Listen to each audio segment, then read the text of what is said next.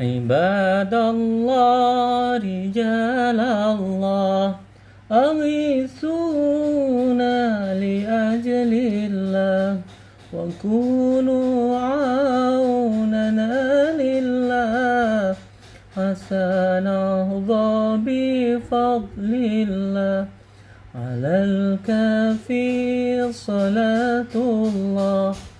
على الشافي سلام الله بمحي الدين خلصنا من البلوى يا الله ويا أقطب ويا أنجب ويا سادة ويا أحباب وأنتم يا أولي الألباب.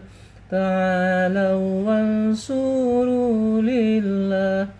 سألناكم سألناكم. وللزلفى رجوناكم. وفي أمر قصدناكم. فشدوا عزمكم لله. فيا ربي بسادتي تحقق لي إشاراتي.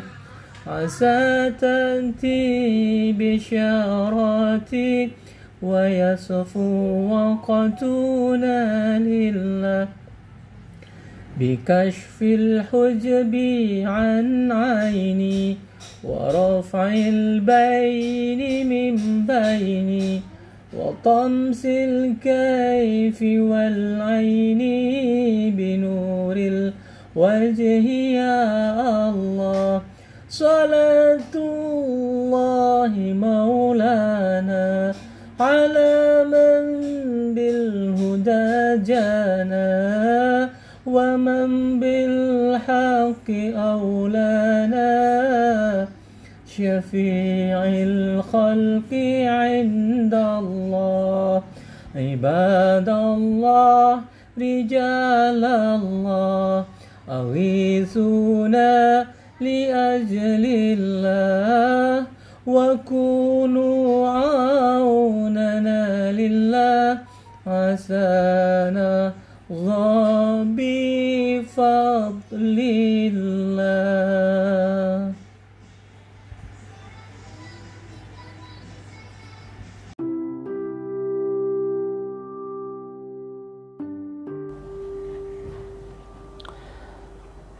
بسم الله. الرحمن الرحيم الحمد لله الحمد لله منزل الكتاب المبين هدى وبشرى للمؤمنين وتذكرة للمتقين والصلاة والسلام على إمام الأنبياء والمرسلين سيدنا محمد الصديق الوعد الأمين وعلى آله وأصحابه الغر الميامين ومن اتبعهم بإحسان ila yaumiddin. Dalam kesempatan yang berbahagia ini di bulan Ramadan 1441 Hijriah kami ingin mengkaji dan ingin menyampaikan satu karya dari guru kami yaitu Bapak Kiai Haji Dr. Ahsin Saho Muhammad di mana beliau menulis sebuah buku berjudul Membumikan Ulumul Quran tanya jawab memudahkan tentang ilmu kiroah, ilmu rosem usmani, ilmu tafsir, dan relevansinya dengan muslim Indonesia. Buku ini sengaja kami kaji. Biasanya para guru, para masyayikh mengkaji kitab-kitab yang ditulis oleh ulama Timur Tengah. Namun kami sengaja ingin menyebarluaskan pemikiran dan keilmuan dari Walid Ahsin Saho Muhammad. Buku ini sesuai dengan yang tertera di pengantarnya tertulis dibuat tahun 2019 dengan penerbit Kaf Media Kreatif. Sebelum membaca pengantar dari buku ini, ada baiknya kami akan perkenalkan lebih dulu penulis dari buku Membumikan Ulumul Quran ini. Beliau bernama Dr. Kiai Haji Ahsin Saho Muhammad Beliau memang seorang pakar bidang kiroah dan ilmu-ilmu Al-Quran. Lahir di Arjawinangun, Cirebon pada tanggal 21 bulan Februari 1956. Menyelesaikan pendidikan dasarnya di SD dan SMP di Arjawinangun dan dasar-dasar ilmu agama ia pelajari di pesantren milik keluarganya. Pada tahun 1970 hingga 1973, beliau belajar di pesantren Lirboyo Kediri sambil belajar di SMU. Saat libur panjang, ia menimba ilmu di pesantren lain, seperti mengaji tabarukan kepada Kiai Haji Umar Abdul Manan Solo, dan mendapat syahadah sanat dari sang gurunya. Pada tahun 1973 hingga 1976, beliau belajar di pesantren Al-Munawwir Kerapiak, Yogyakarta. Sempat dua bulan belajar kepada Kiai Haji Arwani Kudus sebelum beliau kemudian berangkat ke Mekah Al-Mukarramah. Di tahun 1976, 1977, Walid Ahsin mengaji Al-Quran di Masjidil Haram di bawah bimbingan Syekh Abdullah Al-Arabi, seorang Mesir yang didatangkan oleh jamaah tahfizul Quran. Kemudian sorenya beliau menuntut ilmu di Markas Ta'limul Lughah Al-Arabiyah. Kemudian di tahun 1977 Beliau kuliah di Fakultas Kuliatul Quran wa Dirasa Islamiyah dari Al-Jami'ah Al-Islamiyah Madinah hingga meraih gelar doktor dengan yudisium mumtaz Syaraful Ula atau summa cum laude pada 1989. Kemudian pada tahun 1992 bersama Kiai Haji Syukron Makmun beliau mendirikan Institut Islam Darul Rahman. Kemudian mengajar di Perguruan Tinggi Ilmu Al-Quran PT IKI dan di IAIN atau yang sekarang dikenal sebagai UIN Syarif Hidayatullah Jakarta. Kemudian di tahun 2005 hingga tahun 2014 beliau menjadi rektor di Institut Ilmu Al-Quran atau IIKI Jakarta. Dan kini beliau mengajar di berbagai perguruan tinggi dan mengisi forum ilmiah tingkat nasional dan internasional. Sehari-hari beliau menjadi ketua tim revisi terjemahan dari tafsir Al-Quran, Kementerian Agama, Dewan Penasihat Pondok Pesantren Darut Tauhid, dan pengasuh Pondok Pesantren Darul Quran di Arjawinangun, Cirebon. Di antara karyanya yang sudah terbit dan disambut meriah oleh pembaca tanah air, uh, ada judulnya Oase Al-Quran jilid 1 sampai 3, Keberkahan Al-Quran, Menghafal Al-Quran, dan Mambaul Barokat fi Ilmul Qiraah. Dan buku yang sedang kita kaji ini salah satunya adalah buku dengan judul Membumikan Ulumul Quran. Kemudian di kata pengantar beliau menyampaikan beberapa hal uh, Al-Quran dapat dilihat dalam tiga dimensi. Pertama, pembacaan teks, kedua, penulisan teks, dan ketiga, pemahaman teks. Dimensi pertama, yaitu dimensi pembacaan teks-teks Al-Quran, dipelopori oleh para ulama kiroah. Mereka lah yang paling berjasa dalam menjaga keutuhan teks dari segi cara membacanya. Semua cara membaca teks-teks Al-Quran telah mereka tulis dengan detail disertai dengan para perawinya. Pada saat ini, kiroah atau cara membaca Al-Quran yang disepakati para ulama adalah bacaan 10 imam.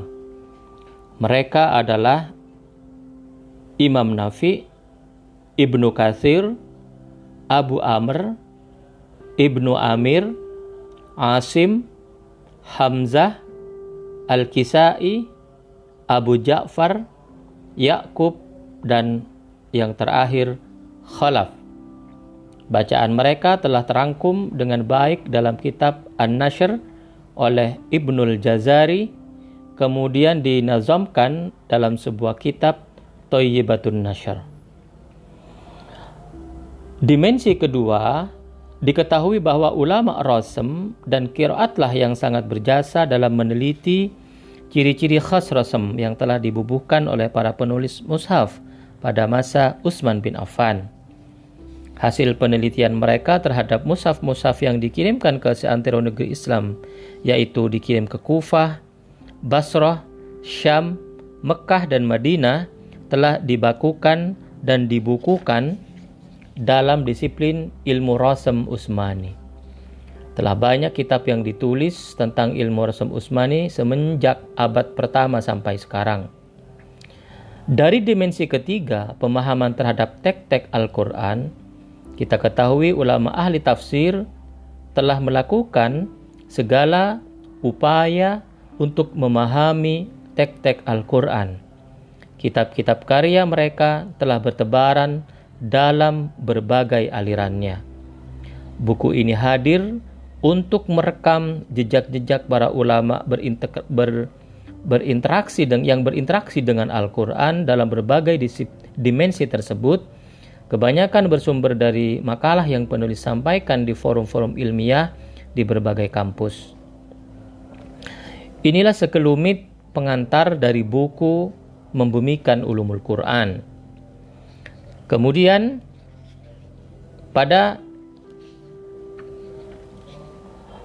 pada diskusi berikutnya kita akan membahas satu topik lagi tentang ulumul Quran di mana di sini dibuat dalam bentuk tanya jawab. Ini saja yang bisa disampaikan untuk pertemuan pertama terkait pengenalan dari membumikan buku membumikan ulumul Quran. Insya Allah kita akan lanjutkan di lain waktu. Wassalamualaikum warahmatullahi wabarakatuh.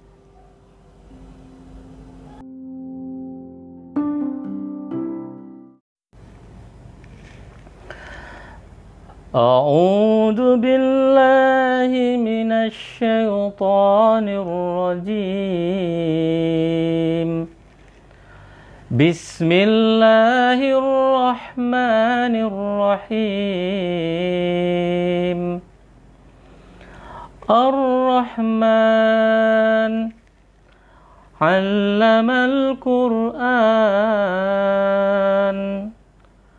خلق الإنسان. علمه البيان. الشمس والقمر بحسبان. والنجم والشجر يسجدان. والسماء رفعها ووضع الميزان. ألا تطغوا في الميزان وأقيموا الوزن بالقسط ولا تخسروا الميزان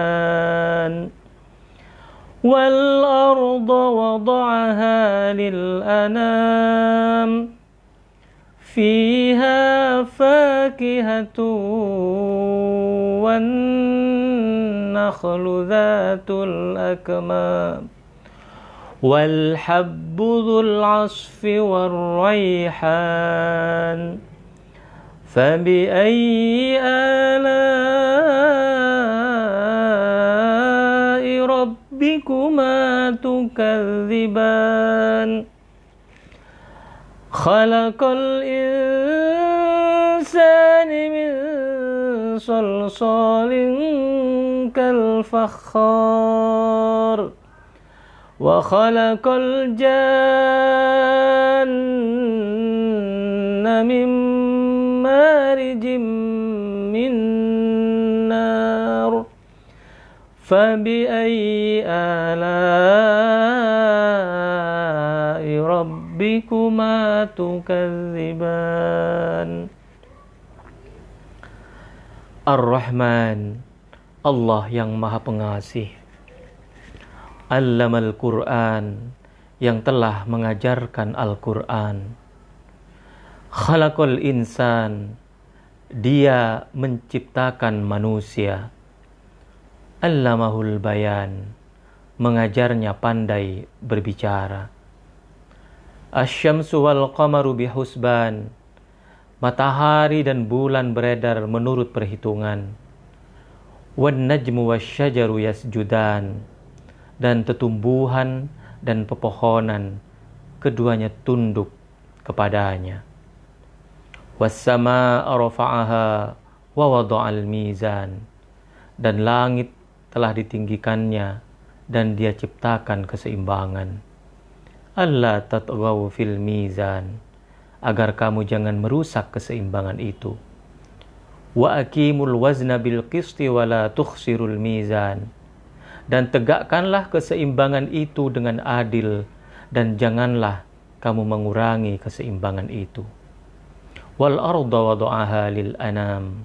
Dan bumi telah dibentangkannya untuk makhluknya. Fiha fakihatu wan nakhlu dhatul akmam di dalamnya ada buah-buahan dan pohon kurma yang mempunyai kelopak mayang. Wal habbudul asfi warraihan dan biji-bijian yang berkulit dan bunga-bunga yang harum baunya. Fabi ayyi ala rabbikuma tukadziban. Maka nikmat Tuhanmu yang manakah yang kamu dustakan? Khalaqal insan min solsolin kal fakhar dia menciptakan manusia dari tanah kering seperti tembikar. Wa khalaqal. Dan dia menciptakan jin dari nyala api tanpa asap. Fabi ayyi ala irabbikuma tukadziban. Maka nikmat Tuhanmu yang manakah yang kamu dustakan?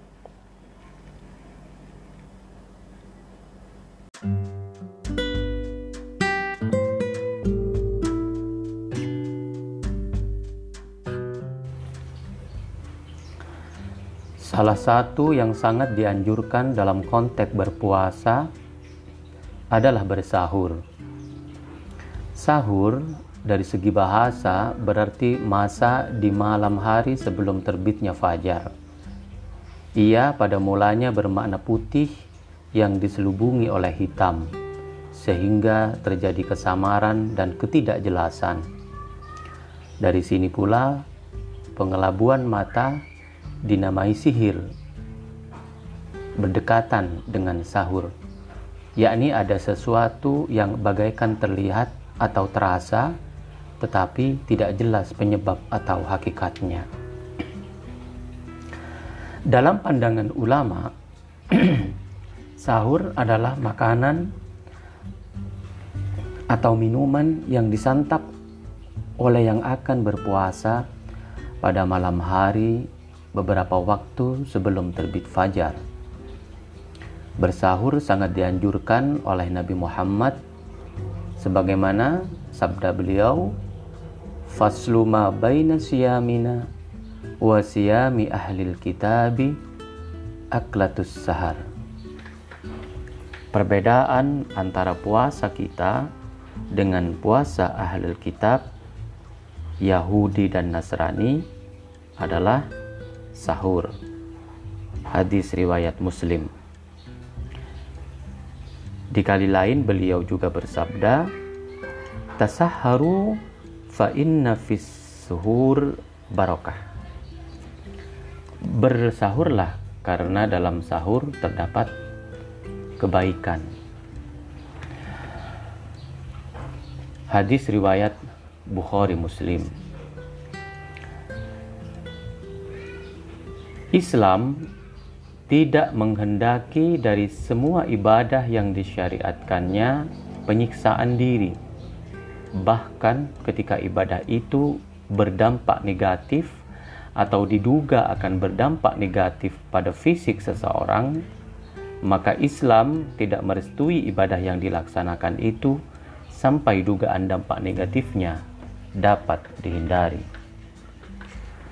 Nah, inilah salah satu sebab Mengapa sahur dianjurkan agar menahan diri untuk tidak makan dan tidak minum sejak terbit fajar hingga terbenam matahari tidak dirasa berat oleh yang berpuasa. Ini jika tidak akan berkata bahwa pada hakikatnya dengan bersahur, kesehatan yang berpuasa akan terpelihara. Dengan bersahur, kata sementara pakar kesehatan, sistem kekebalan tubuh dapat meningkat. Dari segi mental spiritual, melalui sahur yang berpuasa membiasakan diri bangun malam sebelum subuh serta mengubah pola tidur dan bangunnya serta waktu sarapan paginya. Kebiasaan dapat menjadi penghambat sukses, sedang pembiasaan yang berlanjut selama sebulan itu diharapkan dapat menjadi kebiasaan yang melahirkan perangai yang baik karena perangai lahir dari pembiasaan. Dari sini dapat dimengerti mengapa seseorang telah dinilai bersahur walau hanya dengan minum segelas air. Nabi Shallallahu Alaihi Wasallam bersabda, "Tasahharu walau bijar'atin min ma." Bersahurlah walau hanya dengan seteguk air. Hadis riwayat Tirmizi.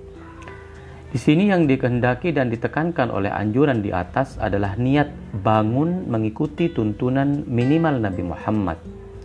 Diharapkan niat itu akan memberi dampak positif bagi yang bersangkutan sehingga mendorongnya dari malam ke malam terjaga dan bangun dan sedikit demi sedikit akan semakin bertambah masa keterjagaannya di malam hari dan semoga sebagai dari sebagian dari masa itu dapat digunakan untuk introspeksi dan beribadah kepada Allah.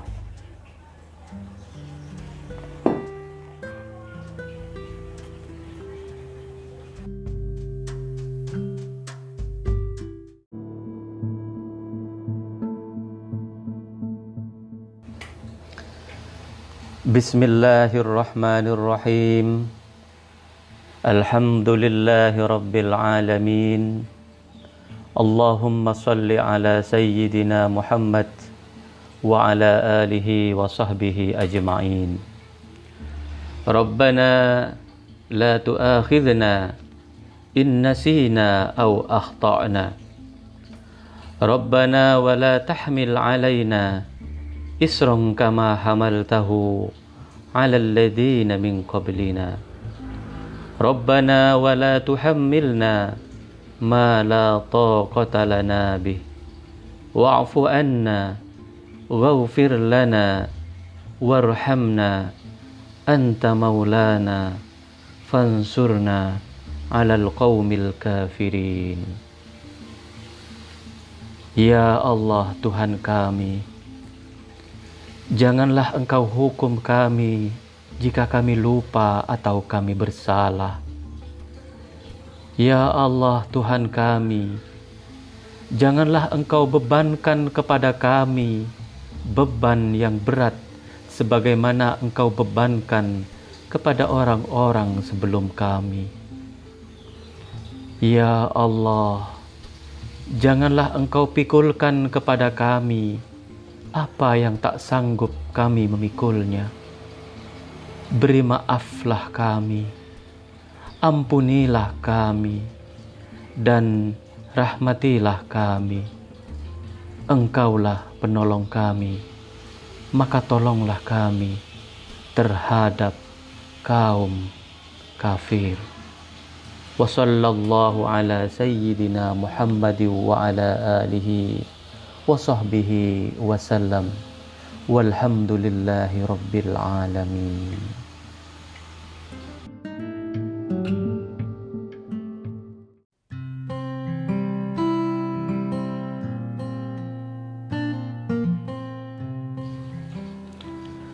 قد جاءكم شهر مبارك.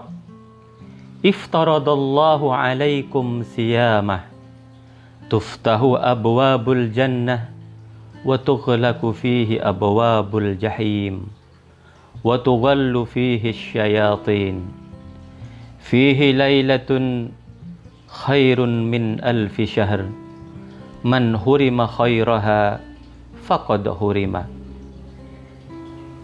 Sungguh telah datang kepadamu bulan yang penuh berkah. Allah mewajibkan kamu untuk berpuasa. Dibuka semua pintu surga dan ditutup pintu neraka dan setan-setan dibelenggu. Dan ada suatu malam yang lebih baik daripada seribu bulan. Maka Barang siapa tidak dapat meraihnya, maka sungguh ia amat merugi. Hadis riwayat Ahmad, Baihaqi dan Nasai.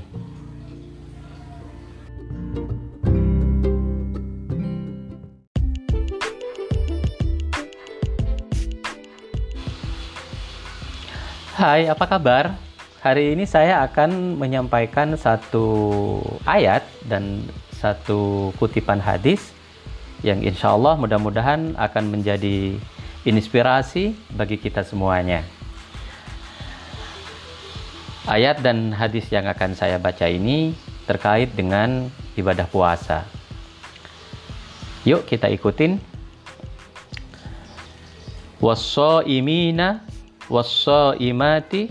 والحافظين فروجهم furujahum والذاكرين والذاكرين wadzakirin wadzakirina Allah أعد wadzakirati لهم lahum maghfiratan wa ajran azima Laki-laki dan perempuan yang berpuasa laki-laki dan perempuan yang menjaga kehormatannya, laki-laki dan perempuan yang banyak menyebut nama Allah, maka Allah telah menyediakan ampunan dan pahala yang besar. Ini satu kutipan di Quran surat Al-Ahzab ayat 35. Jadi di sini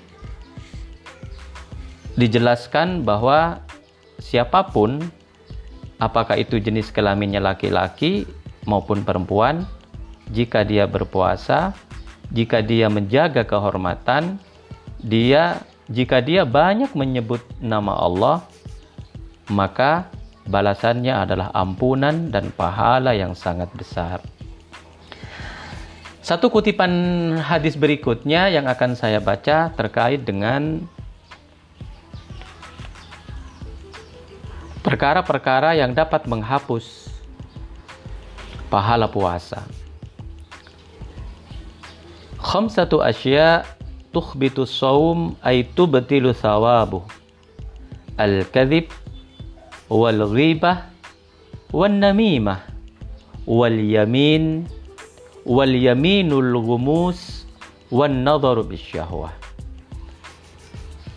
Ada lima perkara yang dapat menghapus pahala puasa yaitu Anda berkata dusta kemudian ghibah atau membicarakan kejelekan orang lain.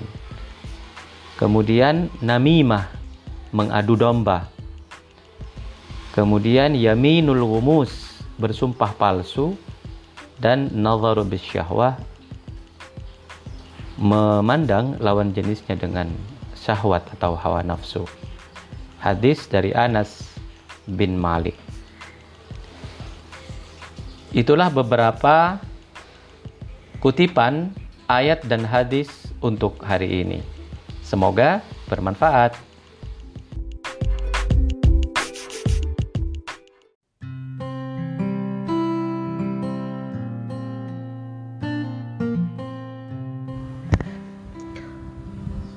Al-Quran Ma'dubatullah Al-Quran adalah hidangan ilahi Demikian sabda Nabi Muhammad Sallallahu Alaihi Wasallam. Maka penuhilah seleramu dengan hidangannya Karena ia dihidangkan untuk dimakan Dan yang menghidangkan kecewa bila hidangannya diabaikan. Allah Maha Kaya Hidangannya beraneka rupa. Semua dapat meraih sesuai selera yang diundang. Allah mengundang manusia dan jin untuk menikmati hidangannya. Yang hadir bebas memilih dari yang terhidang dan tidak boleh memaksa undangan lain untuk memilih pilihannya. Karena semua terhidang dan masing-masing dipersilahkan memilih. Terkutuk yang melecehkan undangannya celakalah yang enggan menghadiri undangannya, dan merugilah yang hadir tapi enggan mencicipinya.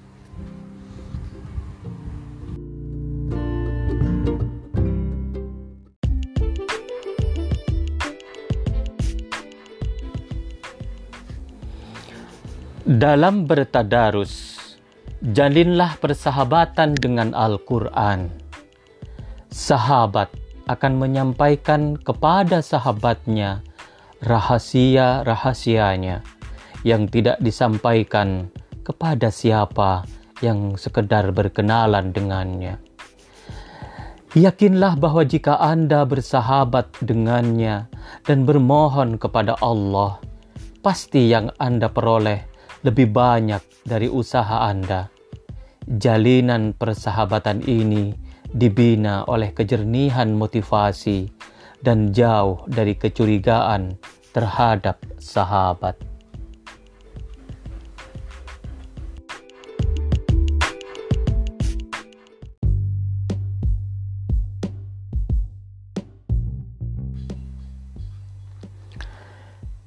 Sinarilah rumah dan kalbu Anda dengan bacaan Al-Quran. Sebaik-baik kaum Muslim, adalah yang membaca Al-Quran dan mengajarkannya. Perumpamaan seorang mukmin yang membaca Al-Quran seperti jeruk yang manis, aromanya harum dan rasanya enak. Sedang mukmin yang tidak membacanya serupa dengan kurma. Buah ini tanpa aroma, walau rasanya manis dan enak. Adapun munafik yang membaca Al-Quran, maka ia bagaikan bunga yang harum tetapi rasanya pahit. Sedang munafik yang tidak membacanya, maka ia bagaikan buah yang tidak memiliki aroma lagi pahit rasanya. Demikian lebih kurang sabda Rasulullah sallallahu alaihi wasallam.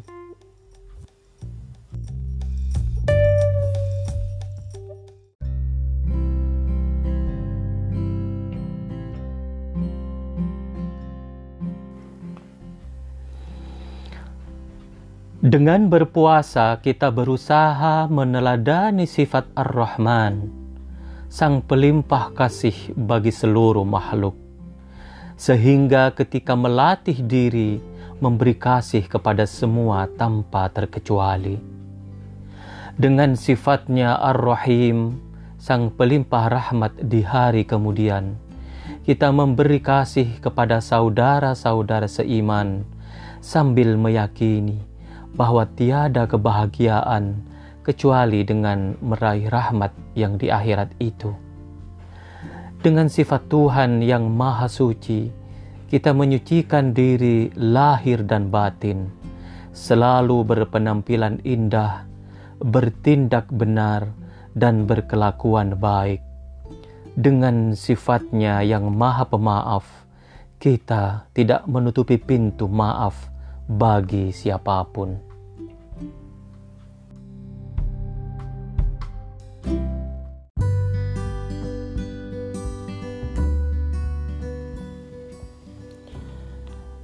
Tiga hal yang mengharuskan Anda berzakat. Pertama, karena rezeki yang Anda peroleh tak dapat Anda peroleh kecuali atas bantuan Allah. Bukankah manusia hanya mengolah bahan yang disiapkan Allah? Kedua, karena adanya keterlibatan pihak lain dalam perolehan dan kesuksesan Anda. Dan yang ketiga, karena yang Anda beri adalah saudara sekemanusiaan Anda. Sudah sewajarnya saudara membantu saudaranya sebelum sang saudara mengulurkan tangannya dan meletakkan di bawah tangan saudaranya.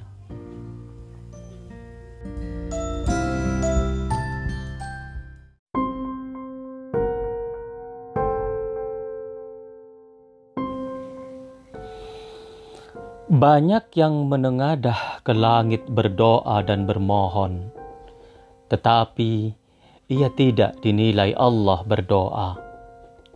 Berdoa menuntut ketulusan, kerendahan hati, sambil memohon yang benar.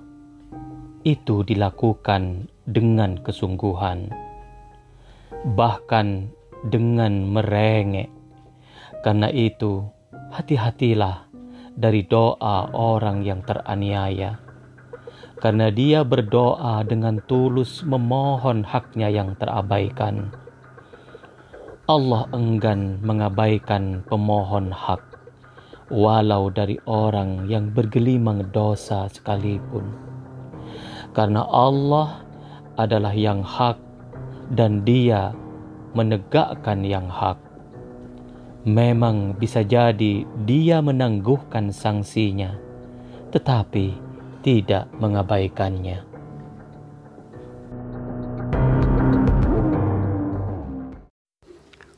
أعوذ بالله من الشيطان الرجيم بسم الله الرحمن الرحيم اقرأ باسم ربك الذي خلق خلق الإنسان من علق.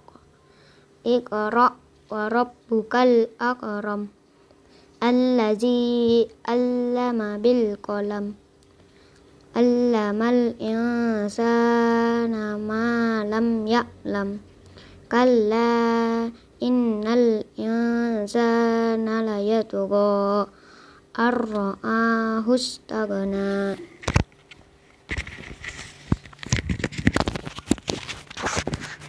Dengan nama Allah pemberi kasih yang maha pengasih. Bacalah, wahai Nabi Muhammad, wahyu ilahi yang beberapa saat lagi akan engkau terima. Dan bacalah juga alam dan masyarakatmu dengan atau demi nama Tuhan pemeliharamu yang mencipta semua makhluk. Dia adalah Tuhan yang telah menciptakan manusia dari alak, sesuatu yang berdempet di dinding rahim. Bacalah berulang-ulang, dan Tuhan pemeliharamu Maha Pemurah, yang mengajar dengan pena, yakni dengan usaha dan sarana mereka dan Dia juga yang mengajar manusia tanpa alat dan usaha mereka apa yang belum diketahuinya. Berhati-hatilah, sesungguhnya manusia benar-benar melampaui batas dan berlaku sewenang-wenang. Apabila dia melihat, merasa, dan menganggap dirinya mampu, tidak membutuhkan pihak lain. Sadaqallahul azim.